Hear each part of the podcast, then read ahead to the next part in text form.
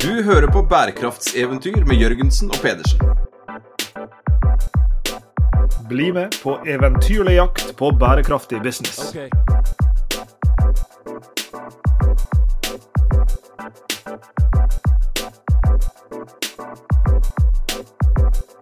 Buongiorno, Sveinung. Oh, buongiorno, Lars Jakob. Come sta? Molto bene. Molto bene. Totto bene, molto bene. Alt er bra på, eh, på Iskia?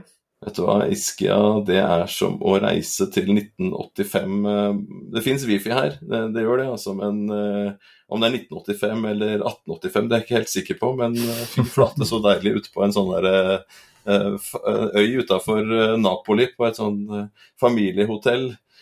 som du vet, men ikke lytterne vet, så besøker vi da jeg og familien besøker Francesco, vår uh, utvekslingsstudent fra, fra, Italia, som vi kom i prat med, som er med på vårt, uh, vårt fotballprosjekt på Brann stadion. Så sto vi der over søpla her i våres og sa But my family has a family hotel at Ischia, you should visit. Og, og det gjorde vi, og der bor vi nå sammen med hans uh, bestemor godt opp i 70-åra, og hennes to søstre på hotellet Dress og relle. de tre søstrene. og de løper fra ja, halv seks til halv ett på natta hver dag og, legger til rette for en uh, fantastisk, uh, men uh, ikke helt i tiden opplevelse. Og for oss som er opptatt av bærekraft, Lars Jakob, dette er litt sånn slow cooking, slow mm. living. dette er litt annerledes. hvordan er livet på, på din øy, Cecilia? Jo, i, i sympati med din vestkystøytilværelse, så, så lever jeg ut øst Eh, østkysttilværelsen litt lenger sør. Det er hett her nede, men, eh, men det er jaggu fint på denne øya her også. Av visse ting her også kan jo eh, Her er jo spor av, av gamle dager her. Her også oppi alt, alt som også er nytt. kan du gi deg et lite quiz-spørsmål? Jeg har jo avslørt, avslørt, det for deg allerede, men vi kan jo gi lytterne våre et quiz-spørsmål apropos mm. gamle dager. Hvilken kjent norsk forfatter Eh, bodde i, før han ble gift eh, omtrent, eh, i Napoli, men reiste ut til den, denne lille øya Ischia og skrev et uh, særdeles uh, kjent uh, Er det dikt? I hvert fall nå gjerne Kanskje et episk dikt? Et episk dikt, da. Oppsetning type teater, veldig kjent. Jeg har vel røpt nok eh, her, Lars Jakob? Ja, det er mine, mine favorittquizer er jo der du også har glemt meg, at, glemt at du har gitt meg fasiten. så, så her føler jeg meg ganske confident uh, i, i, i, i, å, svare Henrik Ibsen. Ja, men altså, tenk deg det, altså. Henrik Ibsen reise nedover til Napoli som 39-åring sånn på midten av 1800-tallet. Hvordan i all verden kom han seg ned? Eh, snakker vi båt rundt, hele kysten her? Jeg burde jo vite hva slags type forbindelser som, som fantes. Men kommer seg da ut på den der øya med varme kilder og, og, og, ditto pasta og pestoer og salater og, og tomater.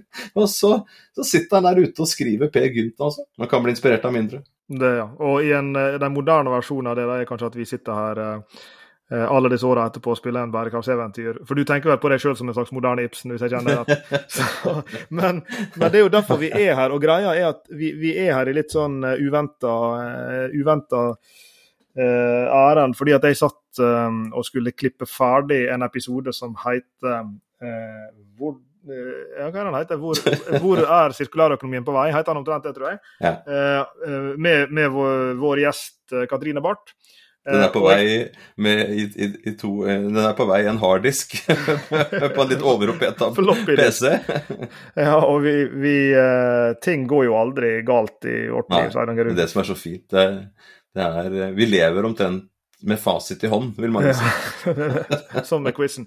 Men, men, denne gangen er det altså gått litt, eh, litt galt. for jeg, jeg, husker jo også under opptaket med, av denne samtalen med Katrine på, like før sommeren eh, at eh, det var litt eh, det, var, det var en liten teknisk glitch på vei inn i, i denne samtalen, som da handla om hvor sirkulærøkonomien er på vei. Så nå, 4 minutter og 16 sekunder inn i, inn i denne episoden, så kan vi altså begynne å, å introdusere det som episoden handler om. Eh, og vi er jo da tilbake i sirkulærøkonomien, som vi har laga mange episoder om eh, så langt. Og, vi hadde lyst på en liten sånn der eh, OK, på vei inn i sommeren, hvor er sirkulærøkonomien på vei hen? Og da inviterte vi altså Katrine Barth, som, som mange, sikkert, mange av lytterne sikkert enten kjenner eller kjenner til. For Katrine har jo jobba med sirkulær økonomi på ulike måter i, i mange år. Hun begynte vel omtrent litt etter Ibsen?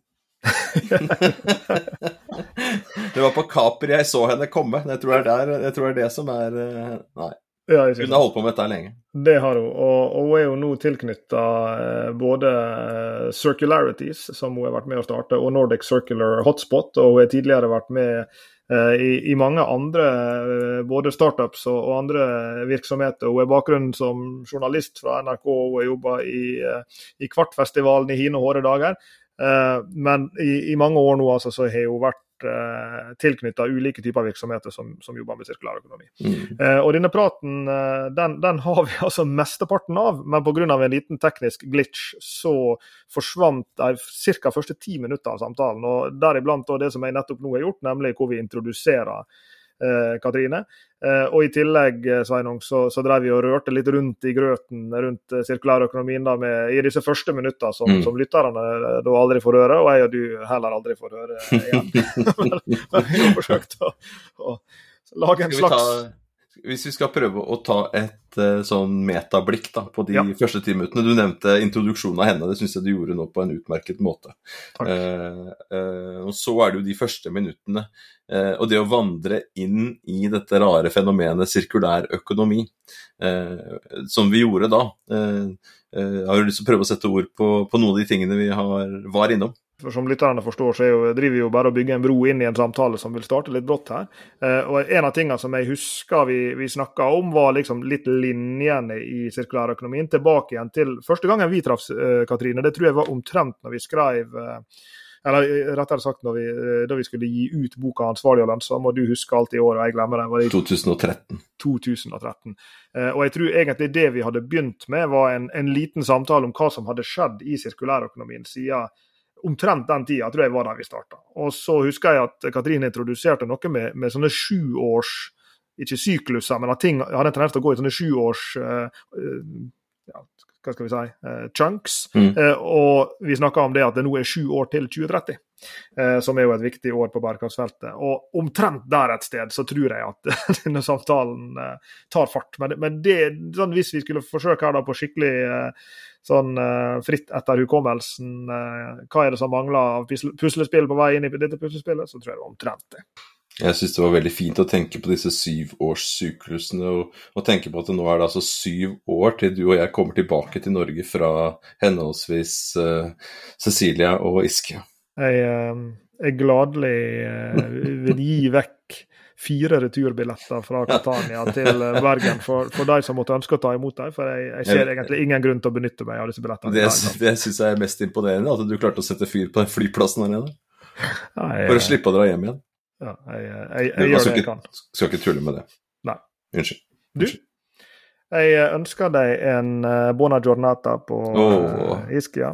Hils Massimo og de tre søstrene.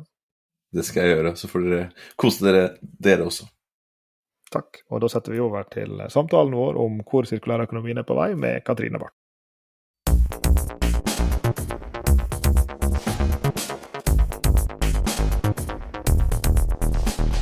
Jeg tenker sirkulærøkonomien har på ti år forandra aktørkartet radikalt.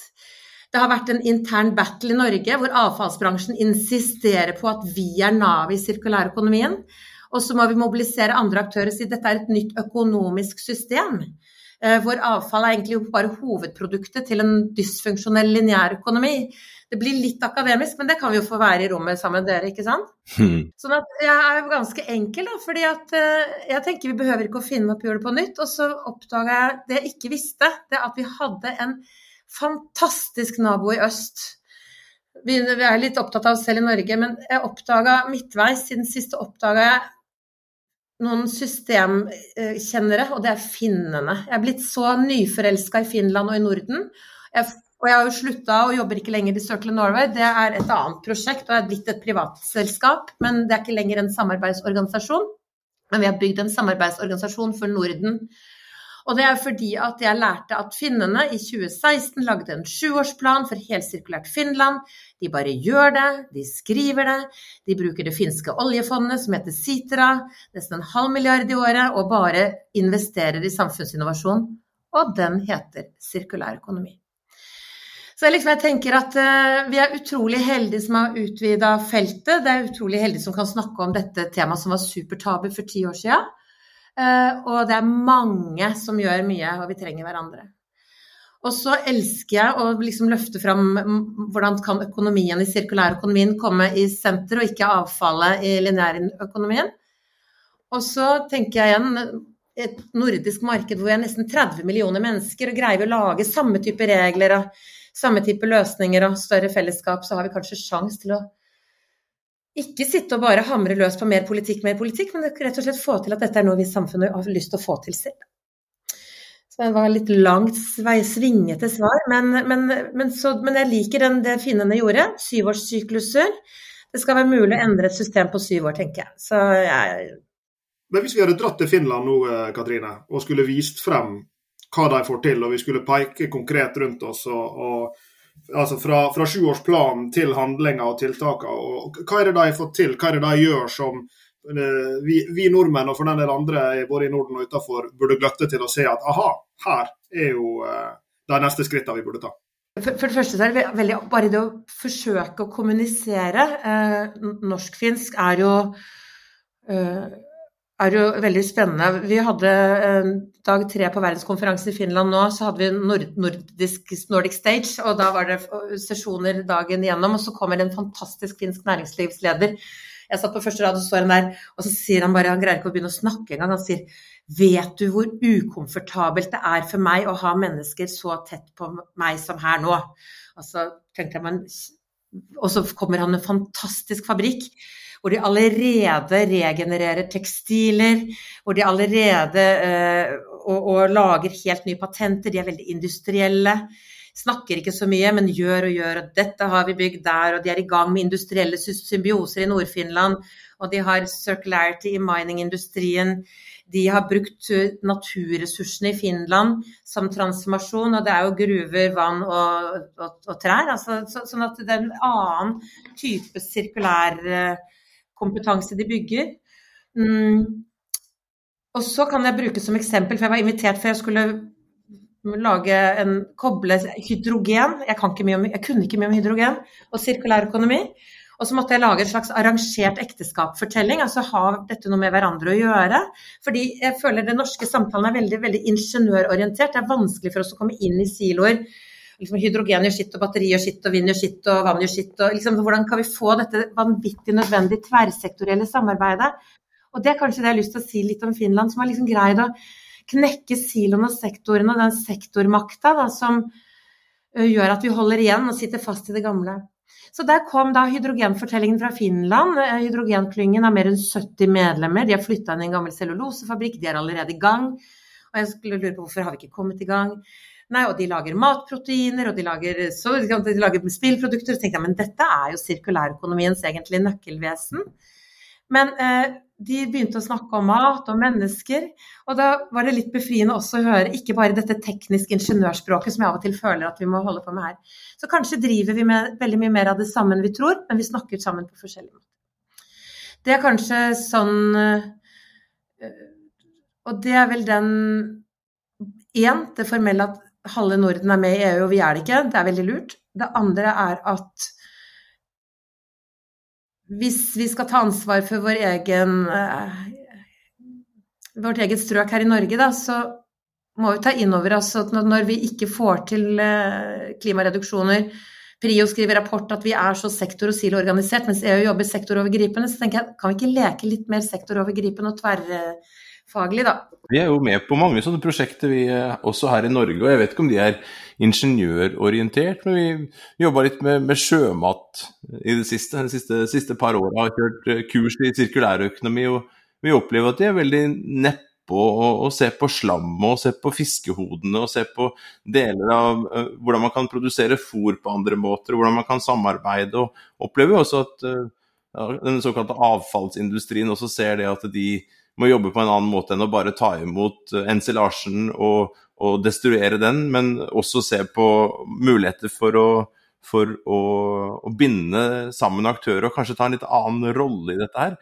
Har du noen andre eksempler fra Norge hvor man faktisk har klart, å, klart å gjøre en litt sånn finsk vri? Eh, eller er vi sånn, vi sånn, har vi litt sånn skylapper på, jeg og Lars Jakob, eller vært litt sånn borti noen prosjekter? Eh, og er de egentlig bare ingeniøraktige? Jeg må prøve å få tak i litt hva du mener her. Jeg tenker det å få eh, fra ting Alt er teknisk mulig i Norge. Altså, vi, det er helt utrolig hvilken ingeniørkunst som har forma den velferdsstaten vi er i nå. Og Hvis vi tar bare brøkdelen av den og jammer den inn i sirkulariteten, alt er mulig. Eh, eh, kanskje så har vi ikke Altså kanskje ble eh, biokjemikerne ble støvsuga litt tidligere enn i nabolandene våre. sånn at eh, vi er jo Men hvis vi tenker at vår urettferdige fordel er jo alt det vanvittige eh, offshore og havnæringa har greid å få til. Så hvis vi begynner å skru det litt om, så, så kan vi få til hva som helst. Lære masse av ingeniørene. Men det de kanskje ikke kan så godt, det er hva skal skje for at det skal gå i markedet. Hva skal gjøre at dette blir et masseprodukt og ikke et nisjeprodukt. Jeg måtte snu meg litt her, for uh, når du lager sjømatnæring, og så tenker jeg ja, men det er så gøy, da. Det, det, ser du denne, uh, dette er en aluminiumsflaske, og det er ikke en sportsdrikk, og det er ikke Gatorade eller Red Bull, men dette her er da en passion fruit and lime fra en sånn sjømatinnovasjonsgreie på Island. Mm. Og det er kaffeindrikk med kollagen fra vitaminum, sætumur og aminosyrum. Her er en naturlig kollagenprotein. Eh, hva tror du denne boksen selges for i det amerikanske markedet? 100% fish-eksport. Dette her er et fantastisk spillprodukt fra, fra fiskenæringa på Island, som sitter da og Hva heter det på økonom... Er det Altså de, de, lager, de spår at denne type restråstoff fra fisk kommer til å passere verdien av verdien av selve fiskekjøtt i løpet av fire år. Er det ikke gøy? Det er veldig spennende. Og hvis vi går tilbake sånn Island, eh, så var vel de også ganske sånn tidlig ute med å jobbe på den måten du også har jobbet på, det å knytte sammen aktører på tvers.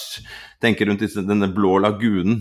Det er vel egentlig restspillvann fra, fra andre typer Altså henter opp, henter opp varme og bruker det på ulike måter. og der er det selskaper som tar ut uh, type enzymer og sånn og sånn, og bruker det i, i noe så prosaisk som sminke. Det, det, det, det er flere sånne andre aktører som, som, som, driver på ulike måter her. og Vi har også vært i kontakt eller fått gjennom disse folk i sjømatindustrien sett på den der bruken av hele fisken. Uh, sånn som du sier her, Hvordan kan man ta ut disse ulike proteinene og kalle Jeg vet ikke om det er enzymer, det er ting jeg ikke har peiling på. og Hvordan kan vi da lage produkter, som du sier, alt fra, alt fra på si, tøfler av fiskeskinn. Og, og, altså, for det, det finnes jo også til å tenke på hvilke, hvilke typer medisiner f.eks. kan vi lage, gitt at vi ser på dette som en ressurs. Og tidligere så, så, ble jo torsken, det er jo stort sett torsk eh, hos dem.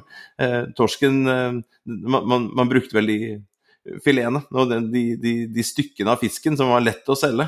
Men hvordan da jobbe kreativt, eh, jobbe sånn som du gjør også, da, med sånne designprosesser, og, og, og, tenke hvilke andre type ressurser ligger innbakt da, eh, i, i, i fiskeressursene her, og hvordan kan man lage industri og produkter som folk vil ha rundt det. Ja, og hvem sitt ansvar er det? Altså Når har et avfall blitt industrielt avfall, og det vi vet, og da forsvinner liksom Hvem eier det? Er det et samfunnsgode? Jeg mener jo at hvordan kan samfunnet eie mer av materialreisen, så flere gründere kunne kommet på og liksom plukka inn, eller skal det være i de gamle industriene? Så jeg syns jo veldig mange av de prosjektene dere jobber med er superspennende, for dere jobber jo med de store. Men er det, er det Orkla og Yara og Hydro som skal løse dette, eller skal vi få opp et sånn hav av nybedrifter som dukker opp innimellom, og som kan være den nye kollagenfabrikken eller den nye medisinfabrikken? Altså dette økosystemet som jeg tror jeg drømmer om og tror Norge har alle forutsetninger for, da, fordi vi Altså, du skal ikke langt nord og ut. Altså, dette har vi jo drevet med bestandig. Det er det andre som er nytt, ikke sant. Det at vi bruker og kaster og øh, Og ikke tar vare på og ikke syr om og ikke Så jeg syns jo det er en sånn fantastisk uh, mulighet for, uh, for oppstartere. Og så er det litt sånn da den, hvis vi da skal tenke at tida er nå, da, at det, la oss tenke sjuårsetapper. Hva kan vi starte med nå som gjør at de 79, 78 månedene igjen til 2030, at vi, gjør vi én ting i måneden i disse sju åra, så har vi sjanse til å ha skapt noe av verdi i sirkulærøkonomien. Og det var en uh, klok venninne av meg i går som sa men se nå, nå er det et verksted i Kirkenes, 30 er sagt opp. Hva, liksom, all denne, liksom, de som nå skal ut av gamle jobber. Hvordan kan vi bare rett og slett jamme inn ny kunnskap? Og dette er jo bare en volleyball til dere. Hvordan kan vi liksom massebygge kunnskap som gjør at folk er tempotrent og bare kommer i gang? Få oss ut av det lineære tankesettet, men skape handlingsrom for sirkulære løsninger. Og komme i gang med det. Det er kanskje en sånn Jeg kjenner et sånn håp jeg har at det må la seg gjøre, da. Check it out.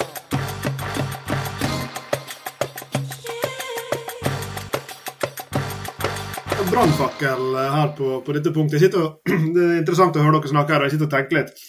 En, en, ting som, som, er med sirkulærøkonomien, som, som er en litt sånn um, ikke, ikke, gåte, men jeg finner ikke på et bedre ord. En slags gåte for meg, en slags nøtt. Det er at på den ene sida så, er sirkulærøkonomi så vanvittig konkret og nært. Og som du sa, eh, parafraserer Katrin, du sa noe i retning av at disse tingene har vi jo alltid gjort. Altså, hvis en går tilbake igjen 100 år, så var jo var det jo veldig mange sirkulære praksiser som ikke er og ikke trenger ikke gå 100 år, det kan være 50. Det. Um, en reparerte ting mye mer, en var mye mer obs på ikke sløse med ressurser. Altså, det er en del, en del ting ved sirkulærøkonomi som er så veldig sånn mangel av et bedre uttrykk, sånn sunn fornuft. da. La, la oss kaste vekk ting, la oss bruke ting lengst mulig. La, la oss sørge for å bruke hele fisken enda for å dra opp igjen til Island. Det er så mange ting ved sirkulærøkonomi som er så godt og konkret. Og så er det en sånn paradoks for meg, og, og, her er vi jo på et vis medskyldige, da må vi jo si. fordi så mye av ordskiftet om sirkulærøkonomi er så abstrakt og sånn high level. Eh, og tror jeg for mange som ikke er en del av greia, da, kan kanskje være litt sånn fremmedgjørende. Eh, Eh, enda verre kanskje er noe sånn som regenerativ business, som det er mye snakk om om dagen. Det er jo i alle fall god gammeldags. Det er sånn naturen funker. Liksom. Men likevel så blir det kledd opp i en språkdrakt som, som jeg tror for mange kan være fremmedgjørende. Uh, uh, og det er en sånn uh, jeg, jeg, vet ikke hvor dette er på vei som, som, spørsmål, eller om det bare er en refleksjon, men, men det er et eller annet ved dette at når en skal trekke fram de gode sirkulærcaser, så syns jeg veldig ofte at det er så veldig sånn down to earth. liksom konkrete, praktiske, deilige ting. og så skulle jeg ønske jeg det er en sånn kommunikasjonsutfordring i å liksom få enda mer fart på sirkulærøkonomien i at, at liksom for På den ene sida er jeg enig i at jo, det, er systemendringer, du vil kreve endringer i lovgivning og regulering og, og faens oldemor. Alt mulig som skal endres. Samtidig så ja, Hvor skjer de sirkulære forbedringene? Jo, de skjer i at noen bestemmer seg for å sette opp ei reparasjonssjappe for jeans og begynne å reparere, eller de bestemmer seg for å leie ut en bil istedenfor å selge den. Altså Det begynner i den veldig konkrete enden. Skjønner dere hvor jeg, hvor jeg vil? Ja, eh, jeg, jeg, jeg, er helt enig. Og det er sånn, må det være så abstrakt? Kan du ikke gjøre det litt mer konkret? Kan du ikke konkretisere det? Altså, og, så, og, så, tenker jeg at og Av og til så føler jeg at å leie folk gjennom liksom den der liksom tåkeskyen, alt det abstrakte, og plutselig komme ut på den andre enden, og så er det jo så klokkeklart og krystallklart. Det er en sånn slags og jeg husker jo min egen kunnskapsreise i dette også. Det er ikke sånn at det bare var der en dag, men bare er det mulig? I det hele tatt er det mulig å tenke at vi står fast i feil system? Bare det er en Altså det å Alt jeg har levd av og trodd på liksom, jeg har vært, Tenk deg at du er butikksjef i en sportsbutikk. Da, du har vært liksom superselger i 30 år, og plutselig bare sånn Nei, eh, du, det er ikke sikkert at uh, best på å selge er det som er det neste gang. Altså hvordan er kunderelasjonene våre? Og det er en helt annen prosessmodell når du skal rigge uh, sjappa di for å drifte leie sånn. Eh, før selv Vestre fabrikker for kunne fortelle om det for et par-tre-fire år siden, før vi fikk en næringsminister derfra. Også at det er ikke gjort over natta å bare selge flest mulig benk i verden over til å gi livstidsgaranti på eh, utendørsmøbler. Altså du skal kunne extreme conditions og ha en annen type Sånn at, sånn at jeg tror det er veldig små grep, samtidig litt store ord. Og så kommer språket i veien for oss. Og jeg er livredd for tida vi har foran oss nå på sirkulærvaskinga.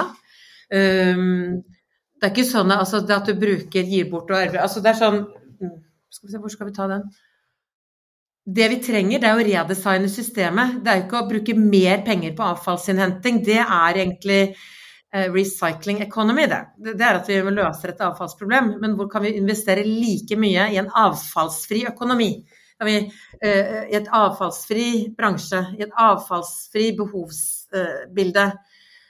Og sitere Frans Timmermans så våge å si vi skal lage mer verdier med mindre naturressurser.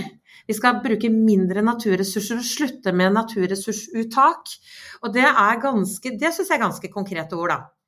Det har jeg ikke hørt så mange av våre egne verken næringslivsledere eller eh, nøkkelpolitikere på feltet.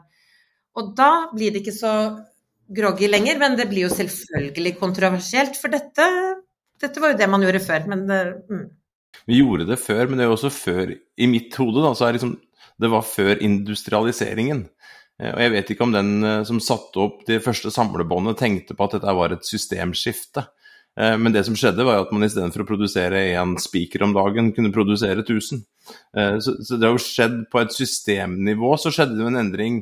Men konkret for ingeniøren eller, eller arbeidslederen på en, en fabrikk, så, så, skjedde det noe, bare noe veldig konkret å håndtere. Jeg tenker litt på det Lars Jakob sa her skulle nesten hatt et sånt begrepshierarki, og det finnes jo kanskje også fra det systemskiftet.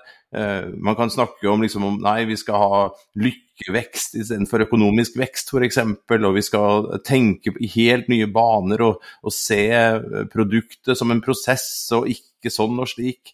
Eh, så kanskje noen skal få lov til å operere på et sånn type konseptuelt overordnet nivå, så kan vi gå nedover i stigen helt ned til det konkrete, ned til samlebåndet. Og ned til han stakkaren på, på, på Hadeland, jeg sier stakkaren, ikke sant, som da vil ha en livstids, livstidsgaranti på en, på en sko i, i, alfa, ikke sant.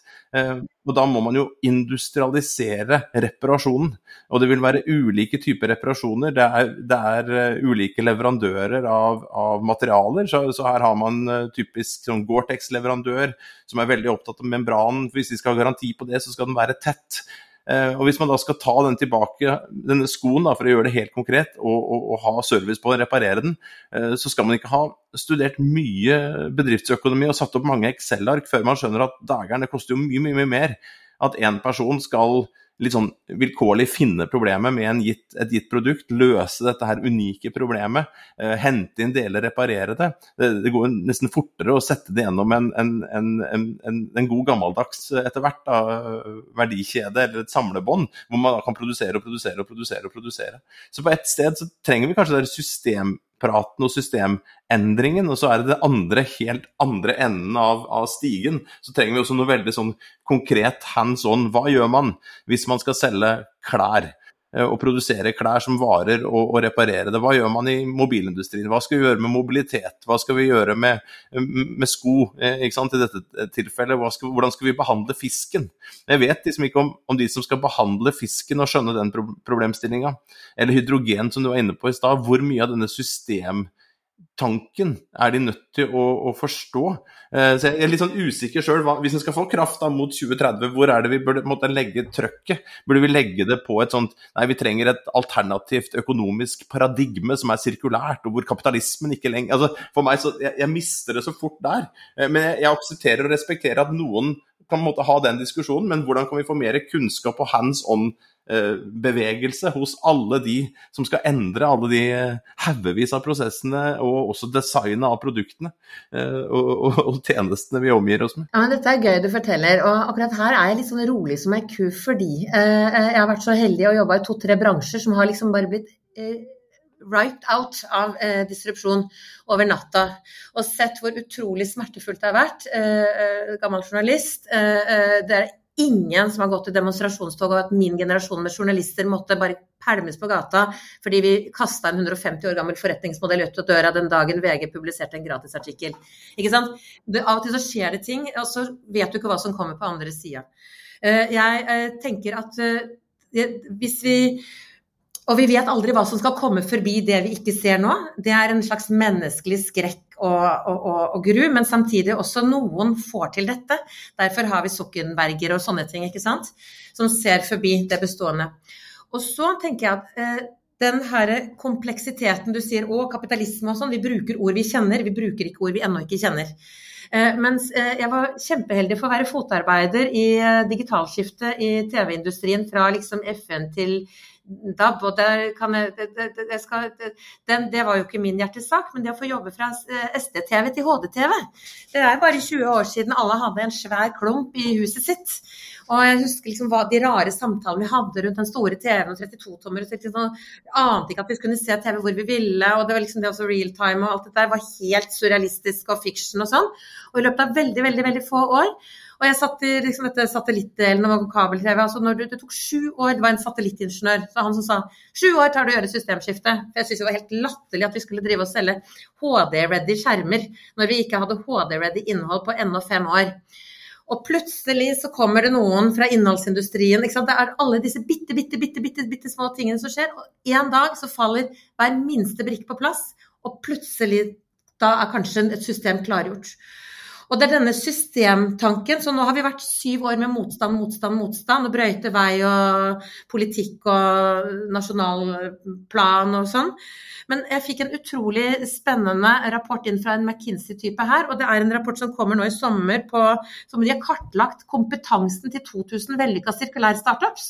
Så istedenfor å snakke om hvor vanskelig det er å bli sirkulær, så begynner man å se på de som allerede er klargjort. Løsningene fins. Du forteller om alfaskoen det er jo bare lava finansmodellen for å investere, sånn at jeg kan ha en livstidsalfasko. Og så er det seks kompetanser som jeg syns er kjempespennende. Og da tenker jeg enhver som ligger på en strand og lytter nå, så håper jeg liksom noen tenker oi, ja men satan, det er jo meg. Verden venter på meg, jeg skal jo også gjøre noe i dette her. Og da kommer rett og slett den herre um, det er masse skog, og det er ingen Det står ikke byggingeniør der, for å si det sånn. Byggingeniørene er veldig, veldig viktige, men det er jo de som ofte har hatt miljø- og klimastillinger i offentlig sektor i mange år. Og hva gjør alle vi som ikke er byggingeniører hvis vi har lyst til å jobbe med natursak? Men her kommer det, vet du. Det er business innovation skills, så det er handover til dere. Og der er det jo rett og slett Og det er business process management og strategi og vanlige kvalitetssystemer. Så kommer operational business skills, så det å kunne drive en sjappe, det er uh, superrelevant. Og hva heter investering og alt dette som dere gjør. Men så kommer det andre som jeg tror blir viktig, og det er social skills. Så du kunne kundeservice, storytelling, visualisering, lage narrativer. Uh, skape endringsfortellinger, transformasjoner. Um, hva gjorde Columbus som vi kan lære av i morgen? Og så kommer den fjerde, og der er du inne på noe, det er system skills. Og jeg tror når vi får systemfolka på banen, om det er IT-folka, om det er statsviterne, om det er kunstnerne, men det er også supply chain management, det er ekosystembygging, det er informasjonssystemer, og jeg har dødstrua på IT-folka. Verdikjeder. Tenk alle de rare innkjøpssjefene som ikke vant festen før. De kommer til å ha det så gøy og fortelle masse verdikjedegreier. Og så kommer digital skills, og til siste er tech. Og det er kanskje det som gir meg trua. En av de som jeg har liksom lytta til, Jyrki Katainen, tidligere president i Finland, sto med litt sånn tung finsk aksent for sju år siden og liksom fortalte om den finske strategien, og så sier han to ting kommer til å forandre det neste århundret slik vi kjenner det. Og det ene er so, circular economy, og det andre var AI. Og det er kanskje det jeg tar med inn i denne sommer 23-samtalen, da. At han sa Og så sier han And they both belong deeply together. Og så mm. tenkte jeg ja, men når vi begynner med den gode AI 3.0, liksom. Og legger AI på sirkularitet og AI ved akkurat hvor denne aluminiumen skal befinne seg de neste 200 åra omtrent. Altså hva kan vi Så veldig mye av det vi hacker og tuller med nå, det føles som å sitte og lage kvaser uten søkeskjema, liksom. Søkefelt. Så løsningen er der. Det vet vi.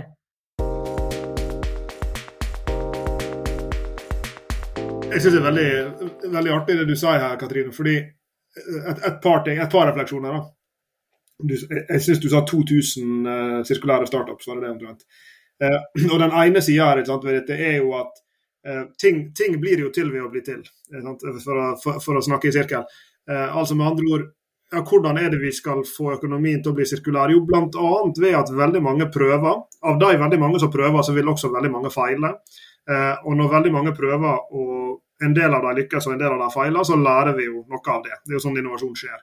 Eh, og Noe av sirkulærøkonomien sitt problem er jo at en har ikke helt visst hvordan den skulle se ut. Og så sakte, men sikkert så ser en det fordi at flere og flere prøver. Av de som feiler noen, og så lykkes noen. Og Da kan sånne folk som vår gode venn Florian Lydekke Freund nede i Berlin sitte og skrive store, tunge forskningsartikler der de oppsummerer. Ja, vi er gått gjennom det er ikke tusenvis, men i alle fall hundrevis av forretningsmodeller. Så prøver vi å kategorisere det, så ser vi hvordan det fungerer. Hvordan er en value from waste-forretningsmodell annerledes enn en reparasjon eller refurbishing-forretningsmodell i sirkulærøkonomien f.eks. Så liksom, igjen, ting blir til ved å bli til, og vi lærer av at de blir til. Men så tror jeg det er en ting til det, det, som du sa her som er utrolig viktig, og det går litt tilbake til mitt eh, hjertesukk slash brannfakkel tidligere.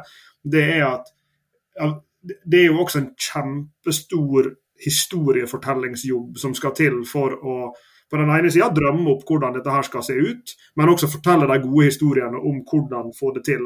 Og Det er vel der da på en måte min lille brannfakkel går på. at liksom sånn, åh, Her er jo så veldig mange liksom bare konkrete, enkle ting som, som er fett, men som er underkommunisert, og som er sirkulærøkonomi, men som ofte i samtalene om sirkulærøkonomi forsvinner i disse store, abstrakte ordene som, som mange folk er glad i å stå på TED Talks eller på, på konferanser som vi sjøl frekventerer å snakke om, ikke sant? Eh, og som kan stå i veien for disse gode sirkulære historiene som vi trenger ikke titalls av, hundretalls av, men tusentalls av. Fordi, akkurat som du sier, det skal erstatte forretningsmodellene innenfor så mange bransjer på så mange ulike måter. Det er jo bare eh, noen måneder siden eh, Ellen Hambro eh, Jeg må tillate meg å si hun var faktisk litt vill i blikket på regjeringens stormøte i sirkulærøkonomi.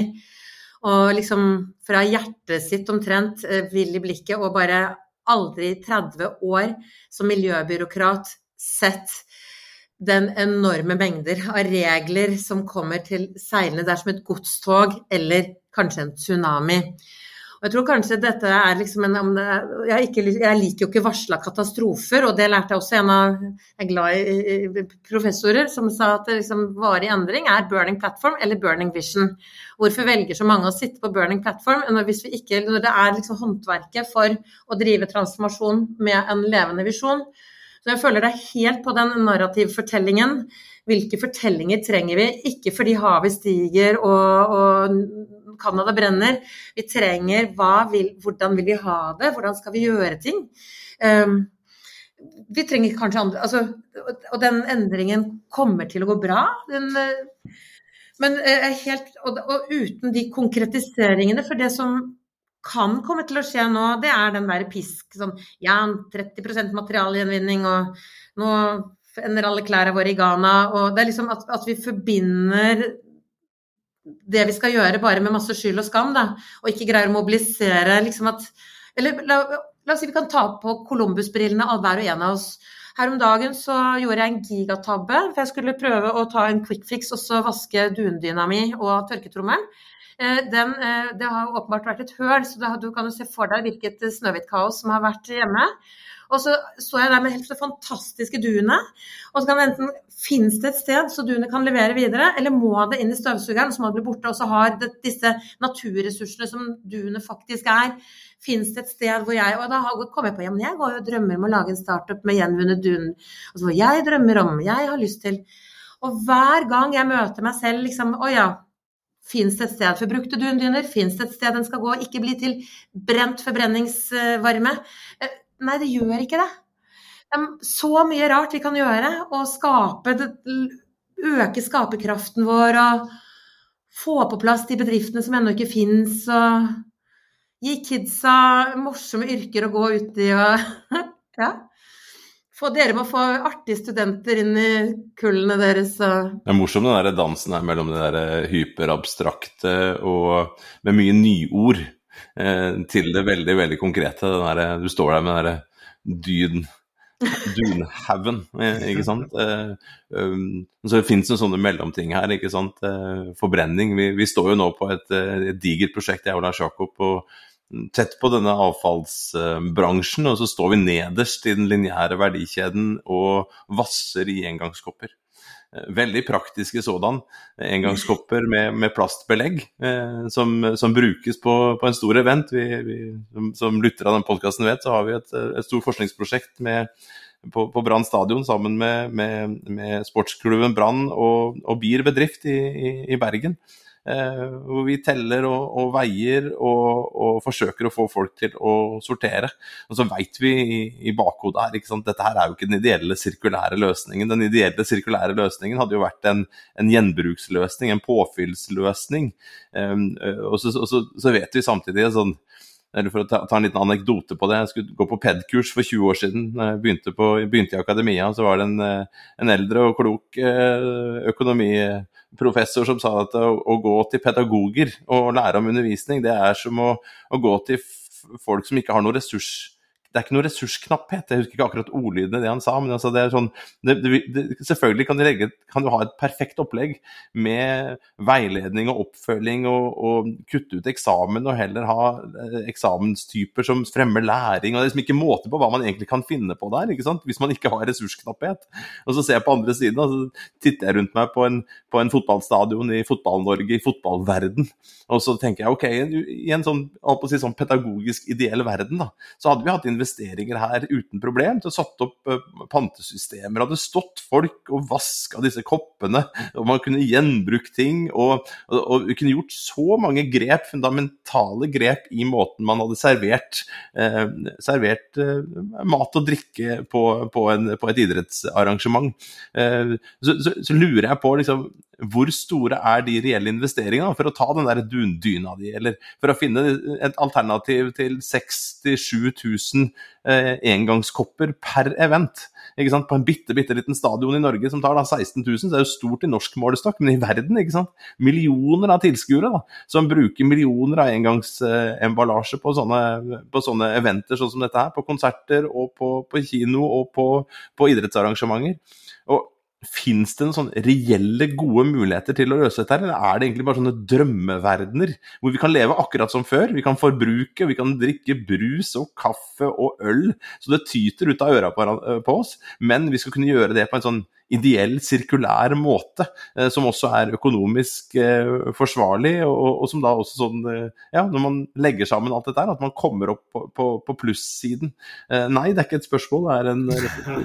Dette er veldig bra rant. Elsker den, fordi vi kan ta den liksom daglig. fordi at det er dette det handler om. Lineærøkonomien er altfor fordømt lønnsom for altfor mange. Sånn at man har liksom låst seg for Hvorfor er disse 70 000 koppene? Og så som er liksom gammeljournalisten i meg, for, for hun, hun, hun, må raljere en gang iblant. Følg penga. Det er liksom journalistverktøyet. Du har en integritet, du eies ikke av noen. Så da jobber du ikke for, for verken Fortum eller eller Orkla. Altså da, det er et nydelig nøytralt fag, det kan jo for så vidt diskuteres. Men, men poenget er uansett dette, følg penga. Og jeg har en drøm om å se tisidersreportasjen. Eh, nydelig tegna, fullt de fine graverne i Dagens Næringsliv-magasinet, som bare valser etter og leter etter denne pappkoppøkonomien. Som leter etter altså hva er avgiften, hva er inntekten, hva er transaksjonen, hva er det som gjør at vi er låst fast. Og så sier man da men så sier vi, lurer på hvor dyrt det er å bli sirkulær, men vi må jo se man måtte jamføre da, hvor enorme store penger som faktisk går. Og det er ikke bare pappkopper, det er jo fotballer, det er jo T-trøyer. Jeg sto på End of Life der tekstiler drar for å dø i fjor sommer på samlebåndet. Og liksom, hvorfor får vi lov å løpe Oslo Maraton med en skjorte som er nødt til altså Når du har løpt den i 2017, du bruker den jo ikke i 2018 eller 2019, ikke sant. Altså disse syke, syke, syke strømmene det må jo bli sånn som standard-TV. En dag så slukker vi dette bakkenettet, og så skrur vi på noe annet. Fordi at denne Hadde vi hatt et hav av tid, det har vi ikke, så kunne vi alle gått gjennom den erkjennelsen og oppdaga det du gjør. Men hva hvis vi bare sier at engangskopper, plastposer, altså det vi ikke vil ha, det blir forbudt fra 1.1.2029. Eh, da har vi akkurat tolv måneder på oss å ri i land på en superbølge siste året, hvor vi istedenfor å betale oss ut vi, altså betale Jeg kom til Rwanda i fjor. Det er kanskje et sted å lære seg om knapphet, da. Jeg to ganger fikk være der, og et samfunn som virkelig måtte transformere. Gjennomsnittsalderen er 19 år. Um, hvordan, og liksom showcase på hvordan gjøre et natursamfunn hvor de ikke har svart og hvit økonomi, men formell og uformell sektor kan du si. Men hvordan kan vi samarbeide og gjøre noe sammen sammen? Um, knapphet på ressurs er jo helt reelt Og vi har jo vært herja av velstand, sånn at betyr, den koppen betyr ikke noe når vi brenner den, ikke sant? Men hva betyr det, og det tror jeg vi kommer til å se mye mer framover, at det er ikke klima- og miljøsaken, men det er geopolitikk og forsyningssikkerhet som kommer til å være sterke argumenter for sirkularitet. Og den gir oss kanskje nordveggen. Altså vi forstår Og dere er også flinke å fortelle om det. Den tilgangen til ressurs er ikke uendelig. Og så er det kanskje det å jamstille avfall som ressurs og naturressurs, og at begge deler må få en verdi, da. Og Det er dette som ikke finnes i balanseregnskapet, og det er der dere studenter må forske og lage doktorgrader og pøse på, for den, de økonomiske modellene finnes ikke. Siste ranten er jo bare nå Nylig så kom liksom direktoratet sin anbefaling til hvordan Norge skal nå klimamålet 85 punkter. Jeg er blitt ringt opp og ringt opp og bare hva er, det, hva er det som skjer, Katrine? Det står jo ikke noe om sirkulærøkonomi. Jeg vet ikke hva deres tanker om det er, men det er bare sånn Skal vi nå klimamåla ved å følge Statens kostholdsråd? Vi, vi, vi, vi, mister jo litt tillit til de som skal være våre ekspertmyndigheter. og MDR, jeg elsker det jo også selvfølgelig, men det er et eller annet sted vi må bare jo gå i takt da, for å få til det vi trenger å få til. Så ja. Jeg håper dere løser det som er fantastisk med brannprosjektet deres. Og det er at alle steder er egentlig et lukka system. Hvordan greier dere å få liksom så høy regenerativitet? Dere kan, dere kan ta gressmatta, dere kan ta fotballskoa, dere kan ta element for element. Kan, lage, kan vi ikke sammen lage en sånn materialstrømsanalyse for idrettsstadioner? Hva går inn og hva går ut? Eh, hva, går, hva er sløyfene? Så, det er sikkert det dere jobber med. Men det er superviktig sånne lukka systemcaser, og da tror jeg du får noen kule fortellinger, Lars Jakob også, gjør du ikke det?